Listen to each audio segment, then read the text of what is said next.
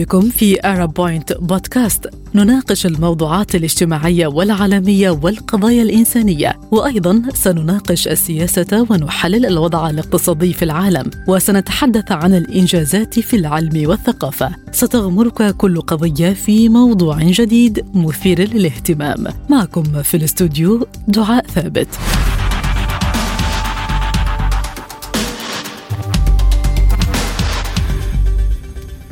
يكشف التحقيق بشأن شبكة واسعة ضالعة في تهريب آثار من الشرق الأدنى والأوسط وتضم في صفوفها رئيسا سابقا لمتحف اللوفر عن تجارة غير قانونية متنامية على نطاق واسع منذ الربيع العربي ويواجه جون لوك مارتينيز الرئيس السابق لمتحف اللوفر في باريس اتهامات قضائية في بلاده بالتآمر لإخفاء أصل الكنوز الأثرية التي ربما تكون قد انتزعت من مصر خلال ثورات الربيع العربي. ويعتقد المحققون الفرنسيون أن المئات من القطع الأثرية تعرضت للنهب في دول الشرق الأوسط منذ 2016 وأنه تم بيعها إلى صالات العرض والمتاحف التي لم تطرح الكثير من الأسئلة بشأن الملكية السابقة. وتعيد هذه الحادثة فتح الملف الأوسع حول نهب وتهريب الآثار في العالم العربي، حيث تشير وقائع العديد من القضايا إلى تورط دبلوماسيين أجانب في عمليات التهريب كما حدث في واقعة تهريب 21855 قطعة أثرية ضبطتها إيطاليا عام 2018 واتهمت مصر حينها القنصل الإيطالي السابق في مدينة الأقصر بالمشاركة في سرقتها وتهريبها للخارج وأحيل للمحاكمة الغيابية وحكم بسجنه 15 عاما. وحول العالم تم ضبط أكثر من 850 ألف قطعة أثرية مهربة عام 2020 وبلغ حجم تجارة الأثار أكثر من 50 مليار دولار في السنة نفسها. لكن تبقى للعالم العربي حصة الأسد من هذه التجارة حيث تعاني مصر من عملية نهب واسعة لأثارها وتشير أرقام وزارة الآثار المصرية إلى أن أكثر من 32 ألف قطعة أثرية فقدتها البلاد على مدى أكثر من 50 عاما. أما العراق فقد فقد أكثر من 15 ألف قطعة أثرية من متحف بغداد وحدة تعود إلى حضارات مختلفة بدءا من السومرية قبل أربعة ألاف عام مرورا بالبابلية والآشورية وصولا إلى الحضارة الإسلامية لمناقشة هذا الموضوع ينضم إلينا من بغداد الدكتور علي النشمي المؤرخ والخبير في التراث الثقافي دكتور علي بعد التحية كيف تنظرون لازدياد ظاهرة تهريب الآثار في الوطن العربي؟ لقد ازدادت عمليات سرقة الآثار آه، غير الشرعية بعد حصول تطورات واضطرابات كثيرة في العالم العربي خصوصا في العقدين الأخيرين. وهذا شيء طبيعي. طبعا المخربين والسراق يستغلون عملية ذهاب الدولة والسلطة والسيطرة وبالتالي يقومون بالنبش ونقل الآثار بكل سهولة. بالإضافة لأن هذه الاضطرابات السياسية التي حصلت في العالم العربي أدت إلى آه، تدمير الاقتصاد وبالتالي أصبحت الكثير من العوائل تعاني من في العيش ولهذا اتجه البعض منهم إلى أي وسيلة للحصول على المال. ولذلك اتجه البعض منهم إلى هذه القضية. وبالتالي هذه الاضطرابات بعد الربيع العربي زادت من هذه القضية. بالإضافة إلى أن هنالك شيء مهم جدا وهو وجود مافيا الآثار. مافيا الآثار تعد آه، المافيا الثانية في العالم بعد مافيا المخدرات.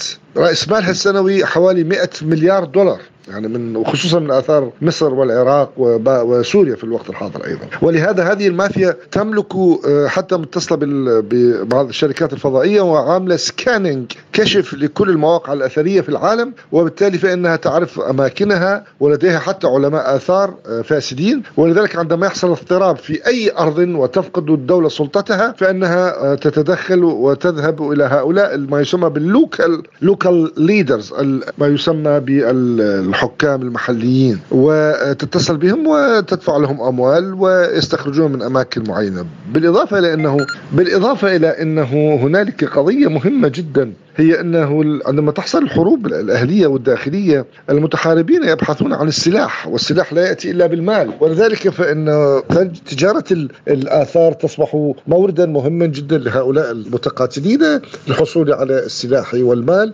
وكما حصل مع داعش في العراق وسوريا أصبح المصدر الثاني بعد النفط. ولهذا نشطت أيضا هذه بسبب الحروب التي حصلت والصراعات التي حصلت في العراق وسوريا ومصر. إلى حد ما بعد ثورة يناير وأيضا في ليبيا وفي غيرها من المناطق العربية وماذا عن التعاون الدولي في هذا السياق والقوانين الخاصة بذلك ودور المنظمات الأممية؟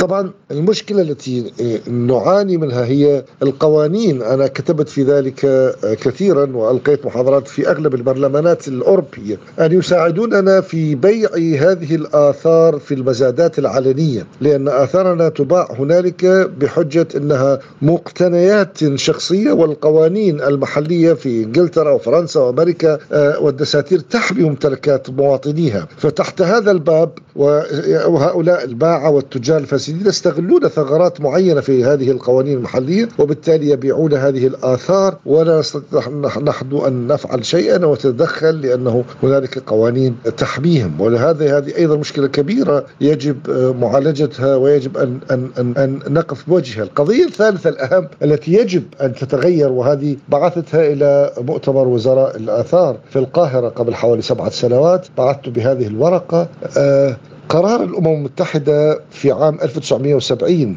ذلك القرار السيء الصيت الذي يقول أن أي أثر يسرق أو سرق قبل قبل عام 1970 يحق له أن يباع في أي مكان في المزادات العليا أو غيرها. ولكن بعد السبعين لا لا يسمح بذلك. ولهذا كثير من التجار الفاسدين ماذا يفعلون؟ يسرقون آثار الآن ويضعون عليها ستامب ويضعون هنالك مزورين للأختام في العالم موجودين وبالتالي يختمون عليها بأنه اشتريت قبل 50 أو 60 سنة وبالتالي تباع ويحميها القانون. لذلك هذا قانون الأمم المتحدة يجب أن يتغير ويكون هنالك منع مطلق لبيع الآثار وليس بعد عام السبعين هذه مجموعة من الآراء في هذا الاتجاه.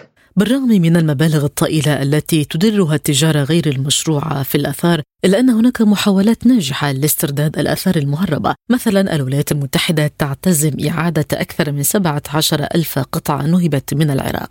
كيف تقيمون الجهود العراقية في هذا السياق؟ لدينا في العراق أكثر من 200 ألف تل أثري ليست للدولة سلطة سلطة عليها وهي عرضة للسرقة والآثار وتنقل إلى عمان ولا إسطنبول ومن هنالك تباع في في المحطة في الوزادات العلنية في سوذبي أو جريسبي في إنجلترا وأمريكا ولذلك يجب أن الحكومة العراقية تنسق مع الدول المجاورة بالعراق وخصوصا الأردن والكويت وتركيا لضبط الحدود وعدم تخريب هذه المواد بالإضافة لأنه لدينا 200 ألف تل أثري لا يوجد عليها حراس إطلاقا يعني المكتشف 16 ألف تل أثري حتى هذه 12 ألف تل أثري ليس عليها حراس وبالتالي لدينا مشكلة كبيرة جدا في سرقة الآثار يعني وهذه كارثة كبرى يعني. المؤرخ والخبير في التراث الثقافي دكتور علي النشمي شكرا جزيلا على كل هذه الإيضاحات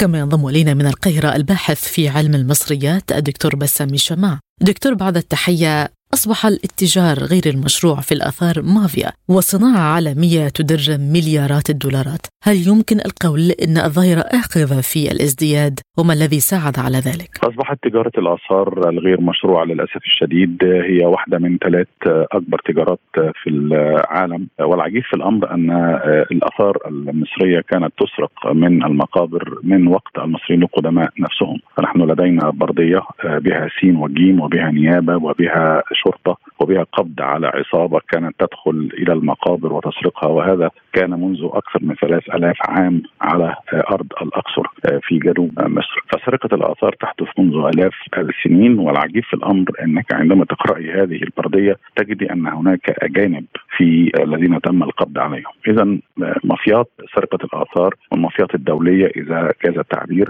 موجودة منذ آلاف السنين. أما ماذا حدث قبل وبعد 2011 في مصر؟ فأنا أجد أن سرقة الآثار قبل 2011 تساوي سرقة الآثار بعد 2011 يعني أنا من الناس الذين يقولون ويؤكدون أن الطفرة التي حدثت بعد 2011 نتيجة لل يعني للانسحاب أو الغياب الأمني في فترة معينة لم تكن يعني بنسبة عالية أكثر مما كان يحدث قبل 2011 لكن على أي حال فتح الباب الكبير في التحقيق مع مدير متحف اللوفر الأسبق الذي سمي بمارتينيز. وهذه البوابة التي فتحت هي بوابة غاية في الأهمية لأن إذا تحقق وتأكد أن هذا الرجل غض النظر عن دخول عدد من الآثار المصرية آه، في متحف اللوفر وهو كما تعلمون أكبر متحف من حيث الزيارة في العالم يعني أكبر متحف يزار من السياح في العالم هو متحف اللوفر وبه طبعا القسم المصري الذي يعتمد عليه اعتماد كلي وجزئي في يعني جذب الانتباه بجانب الجيوكاندا يعني الجيوكاندا في نقطة موناليزا والقسم المصري في في في نفس الميزان وأكثر. فهذا الرجل إذا تأكد أنه آه، اشترك في مافيات سرقة الآثار أو غض النظر عن دخول بعض الآثار بدون أن يرى آه، أوراق المنشأ وأوراق التشريع في خروج الأثر من بيع أو غيره فهذا سوف يفتح بوابة وبعتقد انها سوف تفتح بوابة لمصر ومسؤولي مصر استرداد آثار ليس فقط من متحف اللوفر ولكن من العالم أجمع. يعني تبدأ حملة كبيرة في العالم أجمع مع كل متاحف العالم لطلب آه، رسمي تشريعي وتتقدم مصر بعد هذا وهذا اقتراح مني منذ سنوات أن تتقدم مصر بطلب دولي آه، وتقود حملة دولية في أنها آه، تشرع تشريع ما يتفق عليه بلاد العالم أجمع أو الأغلبية في اليونسكو أو غيرها من المنظمات المعنية في الثقافة والحضارة في أن إحنا يبقى لنا الحق كدول مثل العراق واليمن ومصر والسودان وفلسطين والهند وغيرها من البلاد المسروقة في آثارها منذ آلاف السنين لنا الحق أن نسترد هذه الآثار لأن إحنا وصلنا لمرحلة ليس فقط أن هذه المتاحف الأجنبية تقوم بهذه الأفعال المريبة ولكن لقد وصلنا إلى آه، نقطة غاية في الأهمية وهي أن هذه المتاحف أيضا تبيع وهو هذا هذا عار هذا عار كيف يبيع متحف أثر.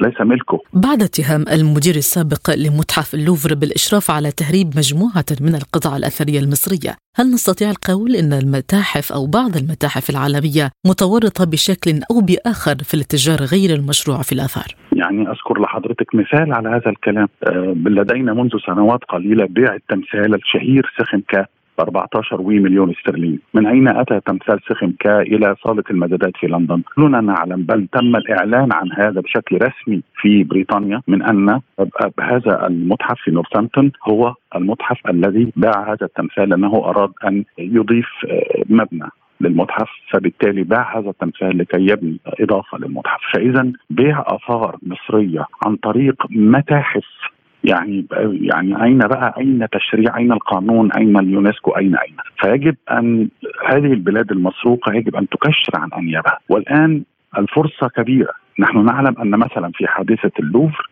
هناك تحقيق تم مع اثنين من كبار المسؤولين قبل مارتينيز لمدة طويلة ومنها رئيس القسم المصري الأثار المصرية في اللوفر وتم الإفراج عنهم. يعني تم التحقيق معهم ولم يتم الاتهامهم بشيء. أخشى ما أخشاه وأنا رجل أقرأ تاريخ وراصد لفكرة بيع الآثار في ال 30 سنة الماضية. فأخشى ما أخشاه أن يخرج مارتينيز من هذه القضية حر وبالتالي يفتح البوابة لكل بقى من هم على شاكلة ان هو يتصرفوا كما كما أرادوا. أعتقد نمره اثنين أنه كان على النيابة وعلى النائب العام في فرنسا أن يستدعي مسؤولين من البلاد اللي اللوفر بيستحوذ على آثار من عندهم بحيث يشتركوا في هذا التحقيق. هذا الرجل مارتينيز كان مسؤولا عن واحدة من أهم التجمعات الحضارية الأثرية في الكرة الأرضية. هذا ليس سهل. ف و... والآن يقولوا نعم إنها نظرية المؤامرة. لا بل إنها حقيقة المؤامرة. هي ليست نظرية المؤامرة هي حقيقة المؤامرة. ودليل على كلامي أنه كما تعلمون هو كان مدير من 2013 كان مدير اللوفر هذا المارتينيز كان مدير اللوفر من 2013 لحد العام العام الماضي يعني 2021 طيب لماذا تنحى مارتينيز؟ هذا هو سؤالي إلى اللوفر ومسؤولين فرنسا، يعني نحن نعلم أن هذا المدير لم يترك إدارة اللوفر لأنه قد صعد على المعاش أم ذهب إلى مش عارف إيه. يعني لا يوجد سبب واضح لماذا تنحى مارتينيز آه، قبل أن يتم القبض عليه أو يتم التحقيق معه. تحدث دكتور عن أن الدول المنهوبة يجب أن تستغل الفرصة وتكشر عن أنيابها لاستعادة أثارها هل هذه الدول متقاعسة في هذه المسألة؟ أستطيع أن أجاوب على سيادتكم بأن من 2000 آه، بعد 2011 في مصر مثلا على سبيل المثال وإلى من حوالي يعني سنة أو سنتين أنا قد وصلني آه، إحصائية رسمية من قطاع الآثار المستردة وهو قطاع هام جدا في وزارة الآثار المصرية هنا لدينا في مصر قائلا لرئيس هذا القطاع وهو يعني رجل ناشط جدا في استرداد آثارنا أنه تم استرداد أكثر من 29 ألف قطعة بعد ثورة 25 يناير وحتى منذ حوالي سنة سنة ونص تقريبا. فهذا العدد للبعض يبدو كبيرا ويبدو أنه إنجاز وهو إنجاز بالفعل. ولكن عندما تعلمي عدد الآثار المسروقة من مصر أو عدد الآثار المسروقة من العراق وغيره لأنه هناك بالمناسبة تعاون بين هذه القطاعات وبين هذه الدول. يعني يوجد تعاون بين مصر ودول كثيرة جدا آه، من الدول المسروقة دول آسيوية بل دول أوروبية ودول عربية ودول إسلامية وغيرها. فيتم اللقاء بين مصر وبقى متخصصي مصر ومتخصصي البلاد الأخرى لكي يتعاونوا في إن هم يستردوا آثارهم. استرداد الاثر يا جماعة مش مجرد أن بلد تخرج فتصرخ في الإعلام فتقول هاتوا هذا الأثر من فرنسا أو هذا الأثر من إنجلترا أو من أمريكا. الموضوع أقوى وأقصى من هذا ولا يوجد قوانين قوية أو اتفاقيات حتى اتفاقية اليونسكو سنة 70 التي تمت في باريس في شاكلتها الخارجية في الكساء الخارجي لها. تقول أنها تحافظ على الآثار وتحافظ ولكن عن تجربتي أنا مع اليونسكو وأنا مواطن بالمناسبة لا أعمل في عمل حكومي في بلدي فأنا شغلي حر. لكن تجربتي أنا عندما طلبت بعودة مسله رمسيس الثاني من ميدان الكونكورد باريس وبعثت إلى اليونسكو نعم ردوا علي رسميا بعد ثلاث أيام من بعثي إليهم وهذا شيء يحسب لهم ولكن هم ردوا علي بانه نحن نحافظ على هذه المسلة. نحافظ على هذه المسلة يعني تنظري إلى المسلة وتنظري إلى تقرير فرنسا الرسمي يقول أن المسلة مضرورة. يعني فتجدي المادة أربعة المادة أربعة تقول لك إذا اتفق بلدان مسؤولي بلدان على أن تهدي بلد جزء من التراث الحضاري والثقافي للبلد الأخرى باتفاق المسؤولين أو بالتبادل يمثل هذا الإرث الحضاري إرث حضاري البلد الثانية ما هذا؟ ما هذه المادة المجحفة؟ يعني معنى هذا أن محمد علي الغير مصري الذي كان يحكم مصر أهدى فرنسا لتوائمات سياسية في وقتها مسله فتصبح هذه المسله المصرية للملك رمسيس الثاني من معبد الأقصر تمثل إرث حضاري لفرنسا. يعني ما هذه المادة؟ وكيف تم الموافقة عليها من أكثر من 190 دولة في اتفاقية اليونسكو؟ فما أقوله هنا أن نعم هناك نشاطات كثيرة وهناك نجاحات في حقيقة الأمر. يجب أن نقول نجاحات عظيمة لاسترداد الاثار فالعراق استرد كثير من آثاره التي قد أخذها الجيش الأمريكي في في الاحتلال الأمريكي للعراق. مصر استردت عدد كبير إذا هناك صعوبة في استرداد بعض الآثار بسبب عدم التعاون الدولي في بعض الأحيان وكذلك القوانين. دعيني في عجالة يعني أشرح فكرة كيف حدث منذ أشهر مثلا أن هناك كان هناك 115 قطعة آثار ظهرت في فرنسا ومصر طالبت فرنسا باستردادها. العجيب أن ال 115 قطعة لم يكن لهم أي ورقة تسجيلية أو رقم تسجيلي أو أرشفي في مصر. وهذا معناه أن هذه الآثار قد خرجت آه، يعني بطريقة غير شرعية خرجت خارج حدود مصر بطريقة غير شرعية لأنها غير مسجلة. يعني لا لا وزارة الآثار تعلم عنها ولا أي جهات أمنية تعلم عنها وهذا يدل على أن الذي اكتشفها تحت الأرض وأخرجها وباعها وهربت خارج البلاد كل ده حصل من غير ما حد يعرف في مصر. في هذه الحالة ده بيبقى صعب جدا بيسموها آه، التهريب الخلسة. أو الحفر الخلسة. هذا ما يطلق عليه هذا النوع من أنواع التهريب. فبيبقى بالصعوبة بمكان أن قطاع الآثار المستردة في مصر أن يذهب إلى فرنسا ويقنعهم بأن هذه القطع قطع مصرية ويجب علينا أن نستردها وبالفعل ذهب النائب العام المصري وذهب وزير الخارجية المصري وذهب رئيس قطاع الآثار المسترده في وزارة الآثار المصري ومعهم علماء كبار لأن أنت أول حاجة بتعمليها لما بتروحي هناك بتبصي على الأثر من علماء مصريات كبار مصريين يحددوا إذا كانت هذه آثار أم مستنسخات. ومن هنا ننطلق. وفعلا أثبت أنها آثار أصلية وبدأت المجهودات وقد استردت مصر في حالة اعتبرتها أنا في تصريح إعلامي لي اعتبرتها أنا يعني ما يطلق عليه ال turning point أو نقطة تحول. ما هي نقطة التحول؟ أن بلد في العالم استطاعت أن تسترد 115 قطعة من آثارها بدون أن تكون هذه القطع مسجلة لديها في البلد لأن دائما البلاد الأجنبية التي تصر أو تستحوذ على آثار دائما ما تمسك في تلابيب تلك أو ذلك العذر أن هذا الأثر ليس له تسجيل لديكم. فإذا هو لم يخرج من مخزن آثاري. فهو لم يخرج من من سرقة من متحف فهو لم يخرج بعد الثورة فهو لم يخرج في حالة انفلات أمني هو خرج. وليس لديكم أنتم أي إثبات أنه حدث سرقة أو أو عمل غير شرعي. ومن هنا تأتي صعوبة استرداد هذه الآثار لكن تم. تم هذا الكلام منذ عدة أشهر. اذا هذه حادثة يجب أن كل البلاد المسروقة أن تستخدم هذه الحادثة كما يحدث في القضاء. يجب أن تذهب هذه الدول زي مصر والعراق وليبيا وغيرها من البلاد المسروقة وفلسطين والشام واليمن وغيرها يجب أن يأخذوا تلك المتاحف وتلك المنظومات وتلك صالات بيع الآثار وصالات المزادات العلنية والغير علنية يجب أن ياخذوه إلى المحاكم الدولية يجب أن نذهب بهؤلاء إلى المحاكم الدولية. وإذا كان اليونسكو سوف يقف عائقا فلننسلخ من اليونسكو. وهذا ما أقوله منذ سنوات. حتى أن يغير اليونسكو المادة أربعة وحتى أن يغير اليونسكو تشريعاته وتكون أقوى وتكون ذات أنياب لأن أنت تغلف حمايتك للآثار بهذا الطريق المخملي وبهذه الأيدي الناعمة. وصلنا الآن أن تجارة السلاح وتجارة الآثار أصبحت أكبر تجارتين في العالم. إحنا تجارة الآثار بتتعدى الآن تجارة المخدرات.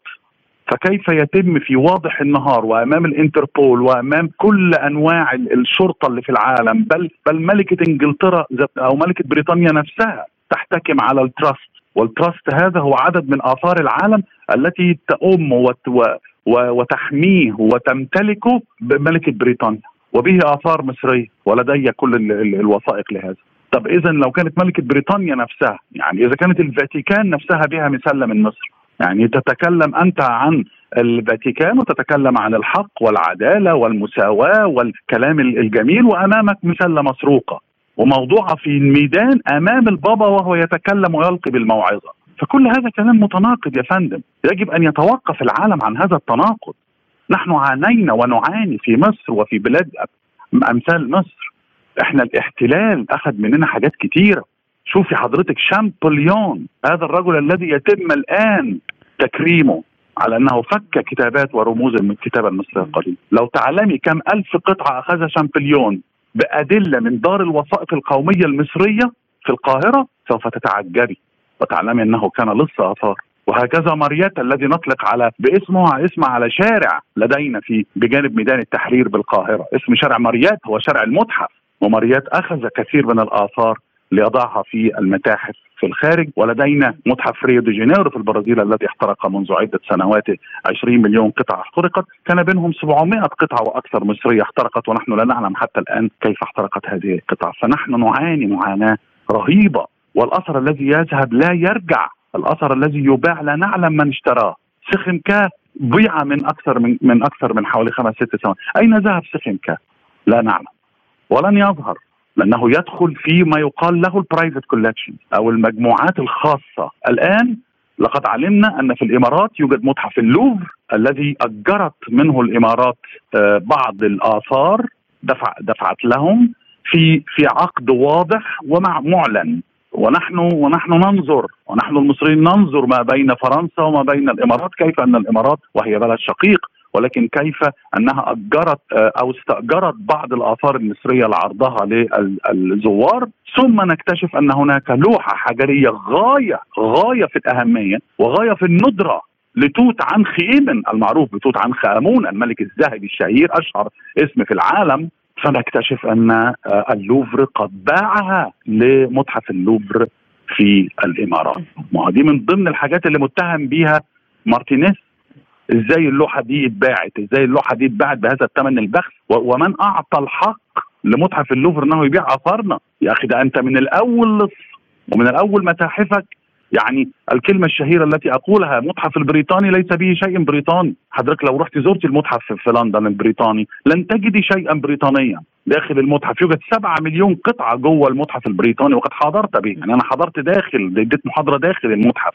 تلاقي ده صيني وده الأسرة مينج وده القسم الإسلامي وده القسم المصري القديم وده القسم البابلي وده القسم الفينيقي وده قسم وده القسم اليوناني. الباحث في علم المصريات الدكتور بسام الشماع شكرا جزيلا على هذا اللقاء.